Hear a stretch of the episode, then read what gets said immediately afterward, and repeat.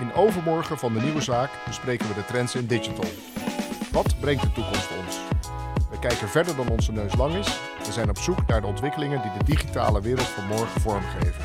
Mijn naam is Johan Keurentjes en ik ben benieuwd. Wat ga jij overmorgen doen?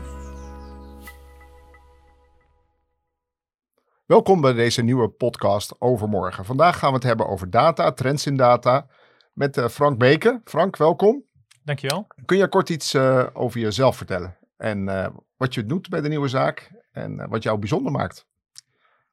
ja, zeker kan ik of, dat. Of je iets bijzonders hebt meegemaakt. Ja, ja, ja, ja. Nou, mijn naam is dus Frank Beke. Ik ben digitaal stratege bij de nieuwe zaak. Dat betekent dat ik bedrijven eigenlijk help om op de lange termijn hun doelen te bereiken. En daarnaast ben ik als lead data analytics verantwoordelijk voor de inhoudelijke doorontwikkeling van het vakgebied data en analytics. Uh, dat betekent uh, het doormeten van online gedrag, het visualiseren, dat, uh, dat soort zaken.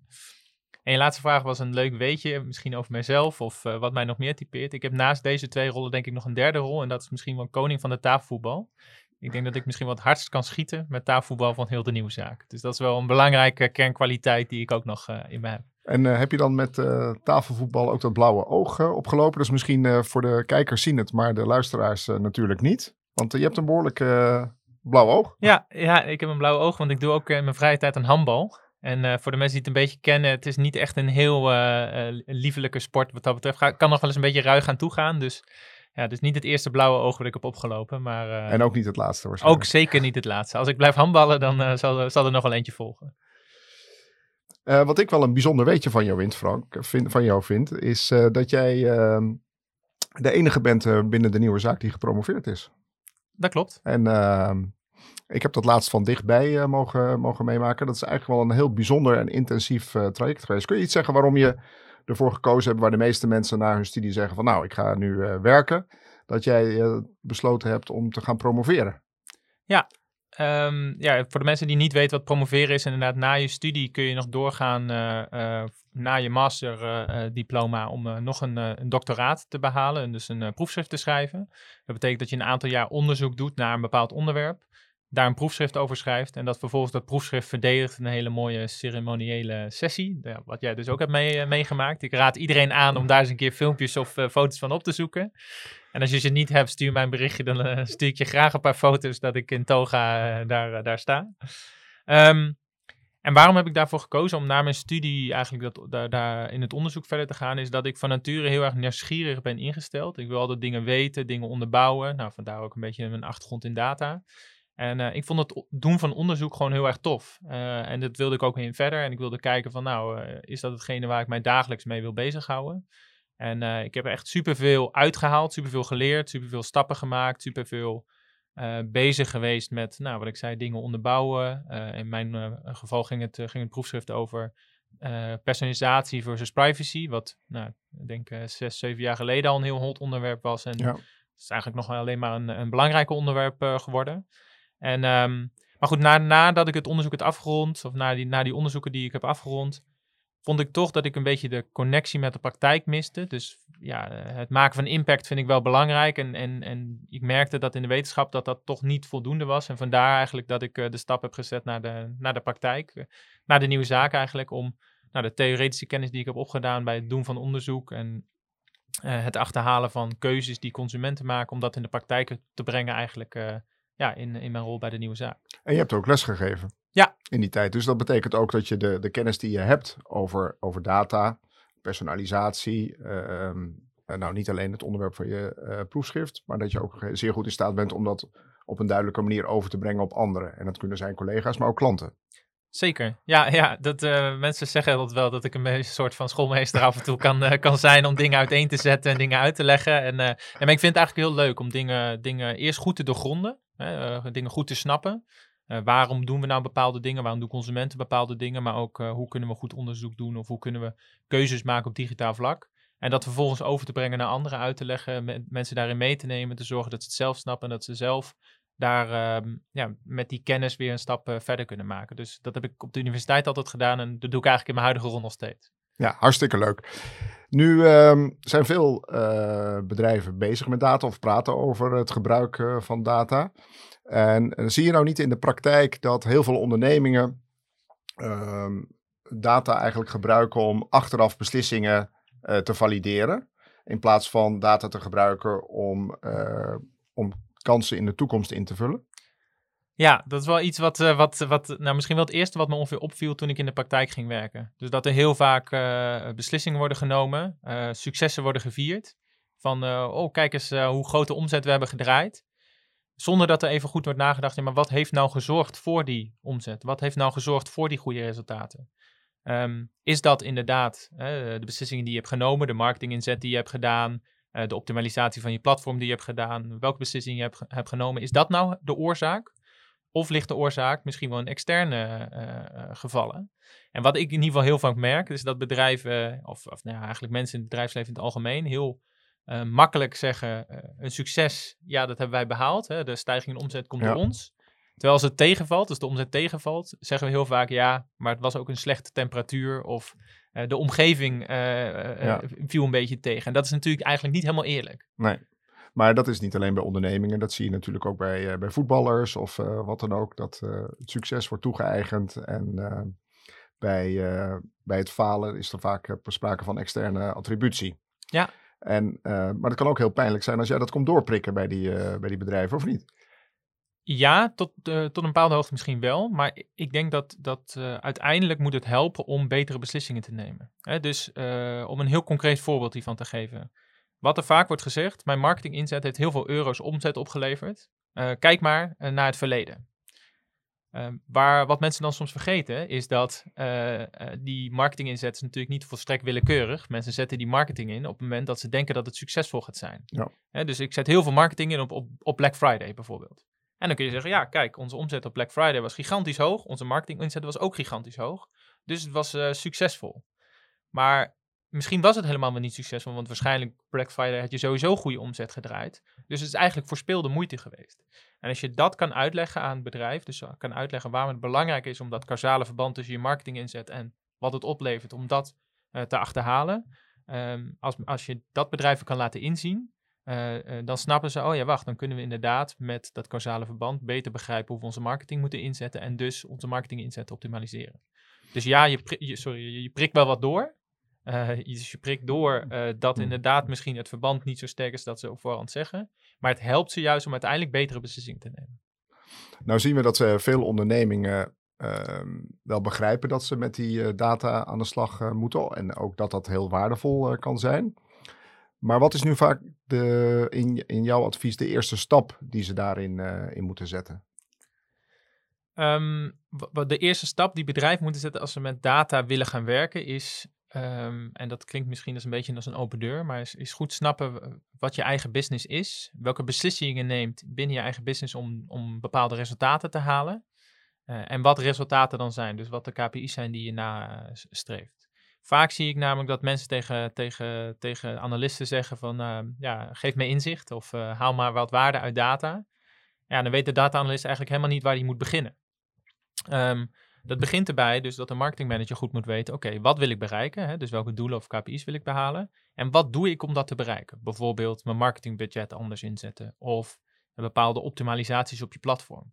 Als je weet welke beslissingen je neemt, dan kan je ook nadenken welke inzichten kunnen me nou helpen om die beslissingen beter te maken.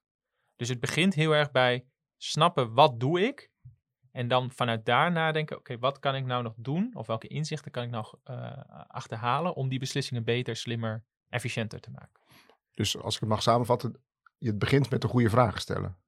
Welke, welk probleem of Ja, het begint met goede vragen te stellen en vooral goed na te denken, waar heb ik invloed op als, eh, la- laat ik bijvoorbeeld als online marketeer, wat doe ik eigenlijk? Waar ben ik de hele dag nou eigenlijk druk mee? Waar ben ik de hele dag nou mee bezig?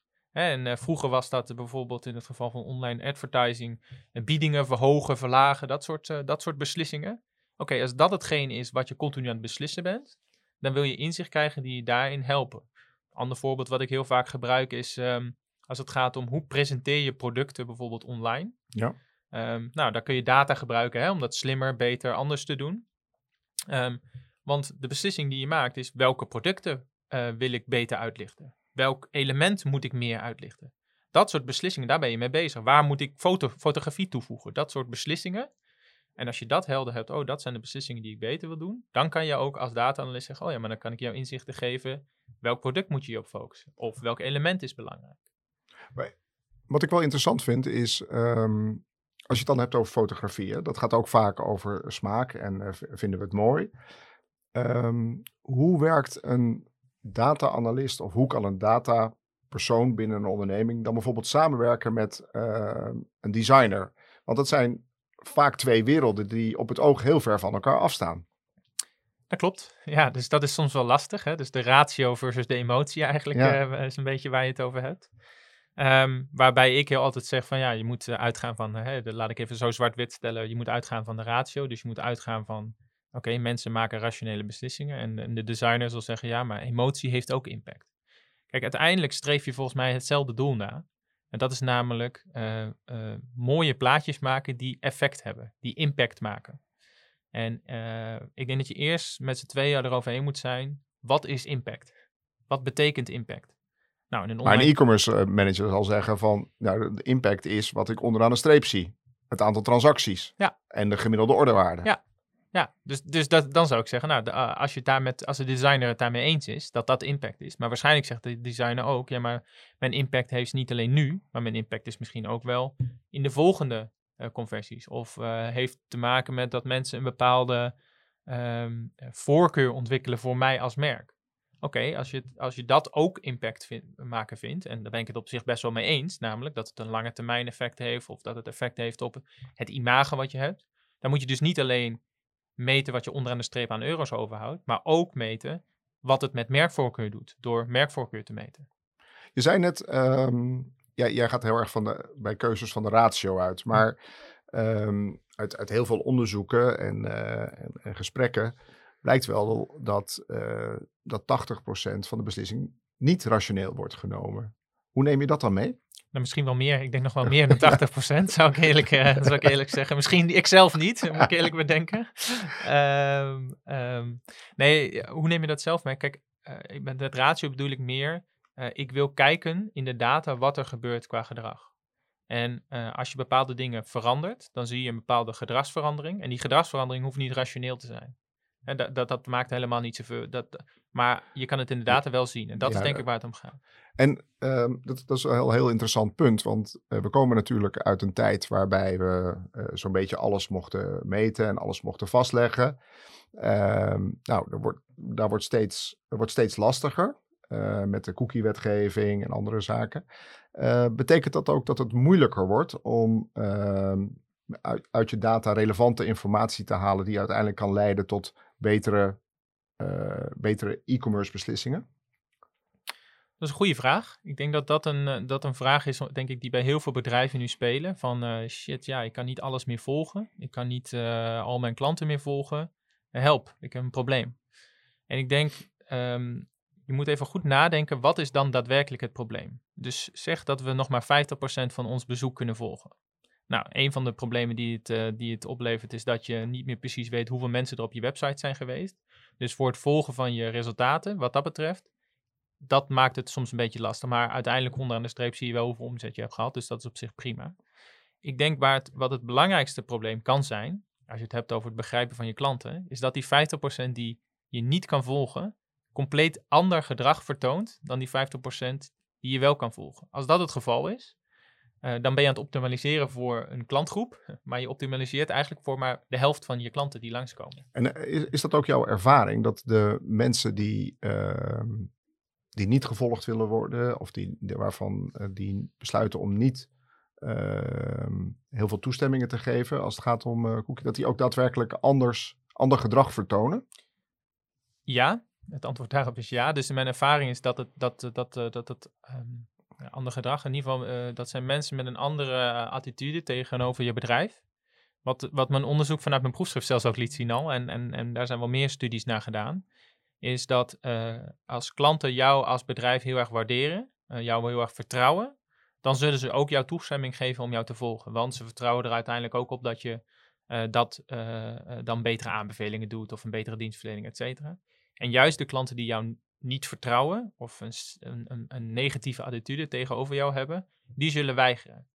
En als je daar dus even goed over nadenkt, dan is ook de vraag van ja, hoe erg is het dat je dat gedeelte dus niet meer zo goed kan volgen? Want dat zullen over het algemeen, en dat is ook wel bewezen, klanten zijn die minder uh, loyaal zijn, minder uh, verbinding eigenlijk hebben met, jouw met jouw bedrijf. Dus dat is het verschil wat je sowieso ziet en wat dus het voor bedrijven denk ik minder um, kritiek maakt dan dat misschien op, op eerste instantie lijkt.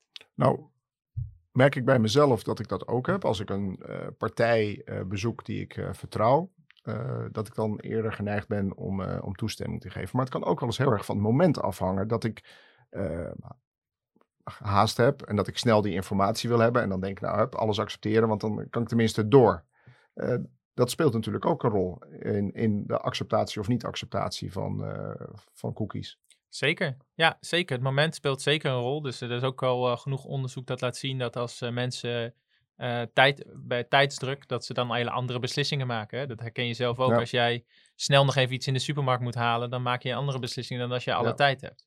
Hè? Of als ik tegen jou zeg, je hebt 10 seconden om te beslissen of je deze auto gaat kopen, ja of nee. Dan maak je waarschijnlijk een andere beslissing dan als jij daar 10 dagen de tijd voor hebt. Dus ja, dat, dat is denk ik sowieso het geval. Um, maakt het in die zin veel uit voor het kunnen volgen van die klanten of iets dergelijks. Ik denk als mensen continu blind op accepteren drukken, wat, wat natuurlijk de afgelopen jaren best wel vaak gebeurt. Ja, je ziet dat overheden dat liever niet willen. Dat is dat wij daar als consumenten een, een meer gebalanceerde afweging van maken. En vandaar dat er ook allerlei wetgeving is die ervoor zorgen dat je je, je toegang weer, je toestemming weer kan intrekken. Uh, dat browsers erop gericht zijn dat uh, uh, cookies op een gegeven moment weer verwijderd worden. Ja. Dus dan moet je weer opnieuw toestemming gaan geven. Dus die toestemming, waar het vroeger was, één keer toestemming geven, krijg je nooit meer een vraag. Is het tegenwoordig zo dat je wel meerdere malen om die toestemming gevraagd wordt. En ik denk dat dat ook een hele gezonde ontwikkeling is. En misschien uh, is niet een beetje off-topic, maar wat zijn nou de, hoe ga jij daar zelf mee om? Heb je tips hoe je nou een beetje slim uh, met, met dat soort toestemmingen uh, om kan gaan? Om ervoor te zorgen dat je niet eindeloos uh, gespamd wordt of dat er teruggekomen wordt op een vakantie die je 20, jaar, 20 weken geleden al geboekt hebt of wat dan ook. Ja, dat is grappig. Die vraag krijg je, dat is echt zo'n huiskamervraag. Ja, precies. dus dit, dit, is de huiskamervraag. de huiskamervraag die ik altijd kreeg als ik vertelde over mijn, mijn onderzoek. Ja. En uh, dat begint eigenlijk gewoon met inzicht. Dus uh, heel veel mensen uh, sluiten hun ogen voor wat er precies gebeurt qua het volgen en dergelijke. Maar tegenwoordig zijn er best wel wat simpele trucjes waardoor je vrij eenvoudig kan zien ehm, welke cookies worden er geplaatst, welke bedrijven volgen mij online, welke bedrijven volgen mij via mijn mobiel. Bijvoorbeeld Ghostery is een online extensie voor je browser. Kan je heel eenvoudig zien welke cookies er worden geplaatst kan je ook aangeven, ik wil dat bedrijf A mij wel volgt en bedrijf B mij niet volgt. Dat soort simpele tooltjes die dus inzicht geven in wie volgt mij. Um, dat soort tooltjes is, zijn voor iedereen heel eenvoudig te downloaden en maakt het veel makkelijker om bewust een keuze te maken. hey, ik wil wel dat de Albert Heijn uh, weet uh, wat mijn voorkeuren zijn, maar niet een onbekend bedrijf waar ik nog nooit van gehoord heb uit Amerika. Ja. Nou, we zullen deze link uh, toevoegen bij de notities uh, ja. bij, deze, bij deze podcast. Dankjewel daarvoor. Ik kan je nog wel misschien zelfs toevoegen. Uh, zelfs mijn moeder en mijn vader die snappen ondertussen hoe ze dit soort dingen kunnen volgen. Dus dan moet het voor, denk ik, voor de luisteraar van deze podcast ook wel mogelijk zijn. Um, een ander onderwerp wat je vaak hoort is dat ehm, data is natuurlijk altijd terugkijken. Um, en uh, als je dat combineert met uh, resultaten uit het verleden, uh, bieden geen garantie voor de toekomst. Want er gebeurt natuurlijk een, een heleboel. Want als je, als je nou neemt, de, hele COVID-periode is voor sommige online retailers heel interessant geweest. nou, op een gegeven moment is dat afgelopen. En als je dan terugkijkt over de afgelopen twee jaar, dat hoeft geen voorspellende waarde te hebben voor de toekomst. Um, dus waar blijft dan het, het gezond nadenken over wat er gebeurt in de, in de wereld, of misschien wel in jouw omgeving of in jouw branche? Dat er uh, disruptieve uh, tendensen gaande zijn waar je rekening mee moet houden. Uh, ik ben er altijd heel erg bang voor dat je als je alleen maar naar je data kijkt, dan kijk je eigenlijk altijd alleen maar terug. Zeker, ja, dat is wel grappig. Toevallig vandaag, we hebben een stagiair rondlopen die, die bezig is met het voorspellen van, van bepaalde e-commerce KPI's voor de toekomst. En een van de eerste problemen waar we continu tegenaan lopen is inderdaad corona. Hè? Dus uh, voor 2020 zie je een bepaalde trend. Maar de trend van 2020 zelf en 2021 zijn heel erg anders. En eigenlijk dit jaar ook nog een klein beetje, maar dit jaar normaliseert het een klein, uh, weer, weer enigszins. Ja, en hoe kun je daarmee omgaan? Ehm, wat wij proberen te doen, in ieder geval nu, uh, is een voorspelling te doen. Te zeggen dat is de baseline. Maar op basis van je expertise of je ervaring kan je wel zeggen: oké, maar hierom verwacht ik dat, die, dat we die, van die trend gaan afwijken. Een heel concreet voorbeeld is bijvoorbeeld: oké, we voorspellen hoeveel online sessies we gaan krijgen, hoeveel online bezoekers. Maar als jij besluit om volgend jaar je, uh, je advertising budget te verdubbelen, dan weet je dat de algehele lijn een stuk naar boven gaat. En op die manier moet je eigenlijk combineren, oké, wat kan ik nou leren van de trends uit het verleden met businessbeslissingen die ik ga nemen. En als je die twee dingen combineert, dan kun je denk ik tot een, een, een goede inschatting komen van wat je volgend jaar gaat doen. Maar het is super lastig, want eh, stel uh, de simpele regel zou kunnen zijn, ik verdubbel mijn budget, dus ik krijg ook het dubbele aantal uh, betaalde bezoekers binnen. Maar je ziet dat de, eh, de biedprijzen die, die lopen op. Hè? Dus dat betekent al dat je minder bezoek krijgt voor hetzelfde geld. En daarnaast zijn we natuurlijk beland in een situatie waar steeds meer huishoudens minder geld te besteden hebben. Omdat ze het dan aan de energierekening moeten uitgeven of aan iets anders. Dus dat, dat, betekent met name voor de dure aankopen, kan ik me zo voorstellen. de grote investeringen in je huishoudens, dat mensen veel terughoudender zijn. Dat zie je natuurlijk ook niet terug in de data die je over de afgelopen jaar geanalyseerd hebt. Niet denk over de data van het afgelopen jaar, maar ik denk wel dat als jij data over de afgelopen jaren hebt opgebouwd en je hebt verschillende momenten meegemaakt waarin externe invloeden duidelijk van impact zijn geweest en je hebt die analyse gedaan, dan kun je die inzichten gebruiken om dus betere beslissingen te maken dus ik zat zelf al laatst eens uh, te denken, en, en dat heb ik nog niet gedaan, uh, of uh, iemand van mijn teamgenoot nog niet gedaan, maar wat, wat zou kunnen helpen is, laten we nou eens kijken hoe we de afgelopen, weet ik veel, wat is het, wanneer was de vorige economische crisis? En dat is heel lang geleden, en die absolute 2018, aantallen, ja. ja, die absolute aantallen zullen helemaal niet meer overeenkomen. Maar je kunt daar waarschijnlijk wel een soort trend. dalende trend uithalen ja, die je kan gebruiken. Die kennis doe je dan op uit de data en die kun je weer gebruiken in de huidige situatie. Maar dan moet je wel toen al begonnen zijn met het verzamelen van die, uh, van die data. Ja, dat klopt. Ja, dat klopt. Ja. Ja, maar eh, zelfs als je die data zelf niet hebt, dan kun je misschien wel publiek beschikbare data daarvoor gebruiken. dus een heel goed voorbeeld is, uh, ik, ik zeg heel vaak tegen bedrijven, als ze niet zo goed weten, ja, hoe zit het bijvoorbeeld met naamsbekendheid of dat soort dingen. Ja, je kan bij Google Trends of dat soort plekken, kun je best wel goed achterhalen, hey, hoe heeft de markt zich als geheel ontwikkeld de afgelopen jaren? En dan heb je misschien zelf je data niet. Maar wat de markt als geheel doet, kan je dan gebruiken voor je eigen uh, ja, trendontwikkeling, om het maar zo te zeggen. Wat zijn uh, wat jou betreft de grootste uh, misvattingen als het gaat over het gebruik van data? Wat zijn misvattingen? Ik denk, vaak wordt er gezegd, laten we alle data verzamelen en more is more. Ja. Dat is denk ik een enorme misvatting, omdat het, nou eigenlijk, we begonnen net met waar moet je mee starten? Je moet starten met een, een, een, een business vraagstuk, een, een, een beslissing die je wil optimaliseren. En vanuit daar kun je dan afbellen, oké, welke data heb ik nodig? Dus dat is denk ik een van de dingen. Het alleen verzamelen van data aan zich. Heel veel data bij elkaar gooien in een data lake van de data warehouse. Aan zich levert geen waarde op. Het levert pas waarde op als je het kan koppelen, een inzicht kan koppelen aan een bepaalde businessbeslissing. Dus ik denk dat dat een van de uh, belangrijkste, belangrijkste misvatting is. Um, en ik zit even te denken wat, een, wat, wat andere. Um, ja, dat is een goede vraag eigenlijk. Nou, bijvoorbeeld uh, tooling. Vaak beginnen uh, gesprekken over het inzetten van data, over ja, welke tooling moet ik dan hebben. Ik kan me voorstellen dat daar ook veel. Er is veel mogelijk. Er zijn veel aanbieders. Ehm, van redelijk goedkoop tot heel erg duur. Uh, zie je daar dat, dat bedrijven de, de neiging hebben om dan iets heel bekends, heel duurs te kopen, terwijl ze dat misschien helemaal niet nodig hebben? Ja, nou ja, ik denk in zijn algemeenheid, wat je wel vaak ziet, is uh, um, um, dat bedrijven denken, oké, ik koop inderdaad een tool. Noem het bijvoorbeeld een customer data platform, à la Datatrix of uh, Bloomreach. En alleen met die tool, dan gaan we waarde maken. Ja. Hè, dan, dan hebben we het voor elkaar, want dan hebben we een Ferrari. Maar je moet niet vergeten dat alleen een tool aan zich Lost niks doet niks. Nee. Doet niks. Hè, um, zelden wat ook wel eens gebeurt, is dat ze zeggen, weet je wat we gaan doen? We gaan een data scientist aannemen, die zetten we in onze organisatie en dan gaan we meteen data gedreven werken. Maar die data scientist, als die niet in de huidige processen past, of als er geen data is verzameld, of als die geen tooling heeft, dan kan die niks. Dus ik denk als je als organisatie uh, echt data gedreven wil gaan werken, echt stappen daarin wil gaan zetten, dan moet je goed nadenken, oké, okay, uh, welke, welke pijlers waar sta ik nu op verschillende pijlers, op, op, op, op het vlak van mensen, op het vlak van tooling, op het vlak van data. Waar loop ik achter en waar moet ik dan stappen gaan zetten? Zodat je op die manier eigenlijk gebalanceerd gaat groeien op het gebied van datagedrevenheid. En niet ja, op één pijlertje, namelijk eh, tooling, op een gegeven moment een Ferrari-industrie op staan, maar je hebt eigenlijk niemand die erin kan rijden.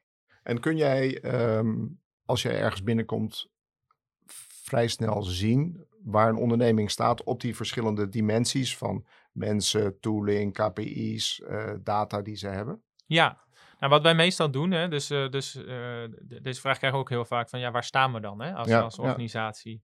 Ja. En vertel mij nou eens wat de volgende stap moet zijn. Nou, wat, wat, wat, we, wat wij normaal gesproken doen, we, we doen of een, een, een, scan, maar eigenlijk op de achtergrond wat we hebben is, we hebben een soort van fa fasering in datagedreven werken. Waarbij je in het begin begint met, uh, oké, okay, dus een individu die toevallig iets met data doet. Naar een bepaalde afdeling is een voortrekker, vaak marketing of e-commerce of, of finance. Naar uiteindelijk gaan we meer organisatiebreed, hè, overkoepelend werken. En eigenlijk per fase zijn er bepaalde elementen die je kan herkennen. dus bijvoorbeeld wat ik net zei, hè, dus um, als het gaat over, um, over mensen, als je helemaal aan het begin staat, heel onvolwassen bent op het gebied van data, dan heb je waarschijnlijk ergens iemand rondlopen die data leuk vindt. Misschien nog niet eens data in zijn functieomschrijving heeft, maar wel iets met data doet. Ja, dan moet je uh, Henk hebben van, uh, van Finance, die ja. bouwt wel eens rapporten. Dat is, dat is herkenbaar. Ja. Dan op een gegeven moment, als je een fase verder bent, dan zeggen ze: Ja, nee, we hebben in het team marketing hebben we een, een data-analyst. En dat team hebben we een data-analyst. En dat team hebben we een data-analyst. Oké, okay, prima. En dan vraag, dus mijn vervolgvraag, oké, en zitten die ook wel eens bij elkaar? Nou, dan zitten ze nog niet bij elkaar. Dus op die manier, door dit soort vragen te stellen en te achterhalen en te kijken en mee te kijken, met mensen in gesprek te gaan, kun je best wel goed achterhalen waar uh, bevindt een bedrijf zich op verschillende pijlers. En, welke, welke, stappen, moeten ze zetten om de volgende, ja. Exact, ja. ja. Als je kijkt naar um, retailers uh, en andere uh, ondernemingen die gewoon heel, heel veel over het algemeen consumenten als klant hebben, genereer je natuurlijk ook heel veel data. Maar er luisteren misschien ook bedrijven die in de, zich in de B2B-omgeving uh, begeven. En die zeggen van ja, ik heb helemaal geen duizenden, tienduizenden, honderdduizenden, misschien wel miljoenen klanten. Ik heb enkele tientallen of honderden klanten. Kun je dan nog steeds uh, data inzetten en krijg je daar voldoende inzicht uit op het moment dat je zo weinig, zeg ik dan maar even, data hebt. Nou, ik denk, wat, wat, ik vind het wel interessant wat je zegt. Hè? Dus je zegt, uh, als je in de B2C-wereld zit, even, sla ik het even plat. Als je in de B2C-wereld zit, heb je tienduizenden klanten, dus heb je heel veel data. Als jij in de B2B-wereld zit en je hebt maar honderden klanten, dan heb je heel weinig data. Ik denk niet dat het helemaal waar is, want uh, in de B2B-wereld zul je misschien minder individuele klanten kunnen volgen. Maar die klanten zullen wel meer interacties, denk ik, hebben met jou als organisatie. Ja dus dat is wat je vaak bij B2B ziet. Namelijk, een bepaalde klant doet niet één aankoop, maar komt wekelijks, maandelijks, jaarlijks, whatever terug. Dus ik denk nog steeds dat je relatief veel data kan verzamelen. Alleen dat is iets andere data. En uh, omdat ja, eigenlijk de journey van die klant ziet er gewoon iets anders uit. De relatie met die klant ziet er gewoon iets anders uit. Maar dat betekent niet dat je er niks van kan leren. Ik denk juist dat je ervan kan leren, omdat je dat repeterende uh, consumentengedrag of, of, of, klantengedrag eigenlijk hebt. Alleen ja, je moet wel andere analyses, andere inzichten, andere uh, dingen doen met data dan, dan dat je in de B2C-wereld soms, uh, soms zou doen. Ja. Um, we komen een beetje aan het eind en um, we hebben het heel erg over gehad over het gebruik van data en de, misschien de valkuilen die daarin zitten. Wat zie jij uh, in de toekomst gebeuren? Want we hebben natuurlijk, we komen uit een situatie waarin er steeds meer data verzameld werd, waarbij je steeds meer persoonlijk uh, getriggerd wordt. Iedereen herkent wel dat op het moment dat hij een gesprek voert, dat hij een half uur later de eerste advertentie al heeft op zijn, op zijn telefoon. Um, wat zie jij als de, de, de trends voor de komende jaren? Ik denk twee belangrijke trends wil ik dan misschien wel uitlichten. Dat is aan de ene kant is de trend dat steeds meer gaat om automatisering. Ja. Um, dus er wordt heel veel data tegenwoordig verzameld. En waar vroeger die data werd gepresenteerd, zodat je zelf beslissingen kon gaan nemen, is, uh, gaan we steeds meer toe naar een situatie waarin uh, er geautomatiseerd een beslissing wordt voorgesteld of wordt genomen. En dat je vervolgens kan kijken wat er gebeurt. Ja, dat zie je bijvoorbeeld heel erg in het online advertising gedeelte. Ja. Vroeger kon je goed monitoren wat leverde mijn advertising kanalen mee op en ging je handmatig je biedingen Ja. veranderen. Tegenwoordig is dat allemaal geautomatiseerd en dat zie je binnen advertising, maar dat zie je eigenlijk binnen elk kanaal. Dat is denk ik één, eh, één belangrijke trend die je ziet. En aan de andere kant, als het gaat over eh data-gedreven werken, eh, merk je dat waar vroeger de data-analyst heel erg bezig was met analyses doen, dashboard bouwen, dat soort zaken, ehm, zie je dat data steeds meer een faciliterende rol krijgt. In de zin, ehm, er wordt data klaargezet, opgeschoond. ehm, eh, en vervolgens worden specialisten de toegang gegeven eigenlijk tot die data. Zodat ze daar zelf ook deels inzicht uit kunnen halen. Dus in plaats van dat alles wordt voorgekoud, zeg maar alles wordt voorgekoud in standaard dashboards, dat soort dingen, gaan we steeds meer naar een situatie toe waarin specialisten ehm, ja, eigenlijk data op zo'n manier krijgen aangereikt dat ze het kunnen gaan gebruiken. Ze noemen dat ook wel augmented analytics, maar dat betekent eigenlijk dat in plaats van dat altijd een specialist analyses aan het doen is, eh, zijn nu, zie je nu dat gewoon een, een marketeer data aangereikt krijgt en daar vervolgens eh, dingen mee kan eh, gaan doen. Maar krijgt hij die dan aangereikt op een manier dat hij er gelijk iets mee kan? Of is het dan ook nodig dat die marketeers die voorheen daar niet mee bezig waren, moeten leren om die data te interpreteren en hoe ze daar betere beslissingen mee kunnen nemen? Beide. Dus dat is een, goede, dat is een hele goede, goede uiteenzetting. Ik denk beide. Dus aan de ene kant wordt die data, eh, zie je dat de rol van, van de data specialist veel meer ligt in data ontsluiten en bronnen en ergens neerzetten, et cetera. Dus eh, om ervoor te zorgen dat niet iemand eindeloos in Excel-files of whatever bezig is om allemaal data bij elkaar te harken. Dus eh, het, de data wordt aangereikt. En aan de andere kant zie je dat, dat is eigenlijk in elke functie, ehm, eh, commercieel en niet commercieel, dat mensen steeds beter in staat moeten zijn inderdaad om zelf wat inzichten uit die data te halen. En je ziet ook bij echt grote organisaties dat het onderwerp eh, data literacy, hè, dus eh datageletterdheid of Ja, eh, hoe ja. goed kan je als organisatie met data werken, is een onderwerp dat bij alle grote organisaties op de agenda staat. Bijvoorbeeld een bol.com, die hebben gewoon een heel data literacy team die door de hele organisatie gaan en trainingen geven, cursussen geven, zorgen dat mensen eh, niet bang zijn voor de data die ze aangereikt krijgen, maar juist die data omarmen om een, eh, om een betere beslissing Ja, te en dan gaat het niet alleen maar om de advertising specialisten, maar juist ook om mensen die content maken of designs maken, dat ze snappen Ja. welke informatie ze uit die data Ja. kunnen halen. Ja, of eh, directie, dat, die, dat die data aangereikt Ja, krijgen, ja, zodat ze slimmere beslissingen kunnen nemen. Ja, Ja, of we vragen het gewoon aan jou, toch? ja, dat kan ook. Tot slot, Frank, wat ga jij overmorgen doen? Dat is een goede vraag. Nou, eh, overmorgen, eh, ik zat er straks even in mijn agenda te kijken wat ik overmorgen ga doen. Ik zie dat mijn vrouw een dagje weg is en we hebben een pasgeboren baby. Dus ik denk dat ik eh, samen met mijn zoon Tijn een, dagje, een mannendagje heb op de bank. Dus dat we met z'n Naar. FC Groningen samen? Of? Nou, daar is hij nog niet oud genoeg voor. Maar misschien als het lekker weer is, dan neem ik hem mee in de wagen en dan gaan we een, eh, biertje drinken op het terras. Dankjewel voor je tijd en ik vond het een ontzettend leuk gesprek.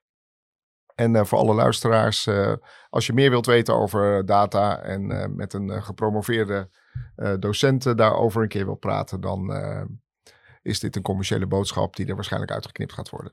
Bye bye. Dit was Overmorgen. Volg ons op Spotify, Apple Podcast of het platform waarop je nu luistert. En check alle show notes op denieuwezaak.nl slash overmorgen. Ben jij eruit wat je overmorgen gaat doen? Deel het op je socials of laat een review achter in de podcast app.